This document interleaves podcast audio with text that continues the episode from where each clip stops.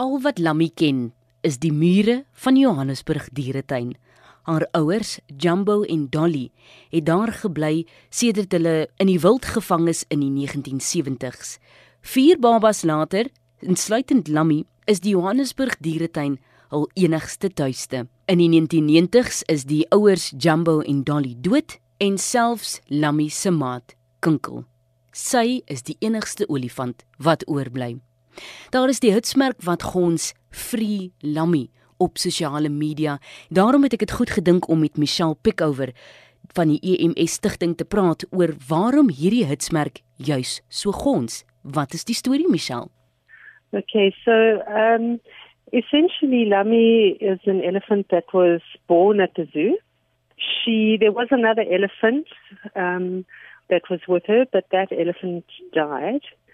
And um, as people that work um, a lot with elephants and care about elephants and nature and conservation and so on, um, as a grouping of elephant specialists as well, the idea was well, this is an opportunity for the city, for the zoo to do the right thing, to give Lammie her freedom, to give an opportunity to be an elephant. Um, so we wrote to um, Mayor Mashaba. We also wrote to the Johannesburg Zoo and City Parks and sent them a very detailed proposal of how um, this would work. Um, it's been done before. We, we feel very confident that Lammie can actually be an elephant in the wild. Obviously, it'll be a process, um, but it's very doable, and I think we owe Lammie that. Mm. The problem is now that um, the zoo hasn't actually applied their mind to that proposal. In fact, I wonder if they've even read it. Um, they they never brought it up for consideration at the zoo's animal ethics committee, um, which is where I mean it should have gone, of course, but um, that's why the NSPCA actually um, left the Animal Ethics Committee. Um, so, you know, I think the zoo and the city needs to take cognizance of all the research, all the information that we have on elephants. Mm. You can't ignore it. And it's not just about public opinion. Um, this is all based on fact. Yeah. So Michelle, as Lammie dan nou vrygelaat sou word, waarheen sou sy gaan? Okay, so there are two reserves, um, which we are not going to divulge where they are, but they're very good reserves. They already have some elephants. Um, and it would be a process to introduce Lammie to those elephants, and that would, could take up to two years probably. So there are two possibilities, two excellent possibilities. And, um, you know, EMS Foundation has said that, that um, you know, we would pay to relocate Lammie. And of course, the zoo would could could make whatever marketing va- value they want out of it. You know, um, I just cannot understand why they want to keep Lammie, and now they're claiming they want to get another elephant, which of course we oppose, because that elephant would also come from captivity, and then Lammie would die, and then we'd have the same performance. Uh, you'd have an elephant on its own. And all the captive elephants that are around now um, have bonded with other elephants, and so now you re- would re-traumatize that elephant to put that elephant with Lammie.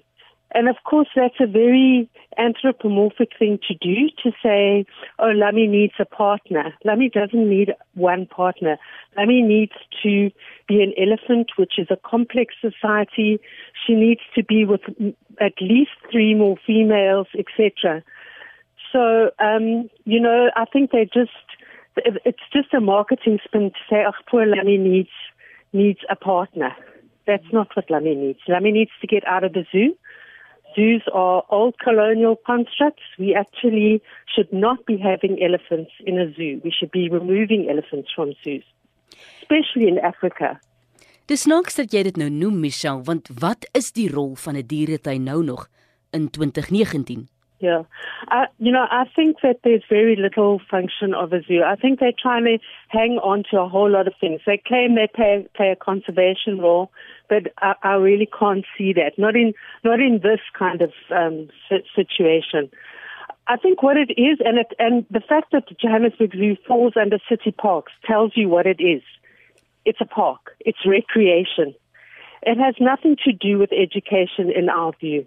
This is not what we want to teach children. We don't want children to just see a specimen out of its natural context in a place that an elephant shouldn't be. That's not education. Um, so I think we've got technology now, we've got computers, kids can actually see animals, they can see documentaries, National Geographic uh, documentaries about who elephants are and, and how elephants live. Um, or, you know, people should be taking children to reserves so they can actually see animals in their context, which would also make children respect them.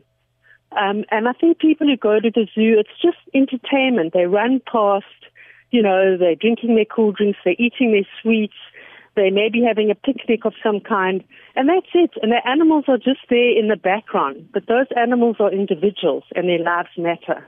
So Lammy het elke familielid, almal en alles wat sy ken, verloor. En 'n olifant is mos maar eintlik net 'n mens, daar's 'n rouproses waardeur jy moet gaan. Wat is van daardie wanpersepsies wat mense het oor olifante?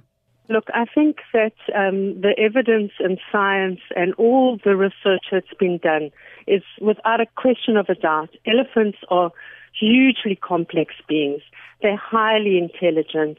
They're highly emotional. They, they have complex lives which are very similar to our own, actually. So to do what we're doing to Lammie, in my view, is is almost torture. Daar sal die wees wat saamstem, daar sal die wees wat nie saamstem nie. Die wat wel deel van die beweging wil wees, hoe gemaak? Okay, so what we've got is really a sort of loose coalition of organizations that are working together on this. Um, they can go onto the Facebook pages of EMS Foundation, Humane Society International Africa. If they want to do protesting, they should uh, join the ban animal trading protests. They do. Uh, they've been doing a protest once or, or every two weeks. Um, so, uh, and I think if people could write to the mayor um, and and bombard him, that would also be good because we would actually like the DA to come out and say something. This is a city issue. Um, and they're not, and they're just not engaging. In fact, we're being stonewalled.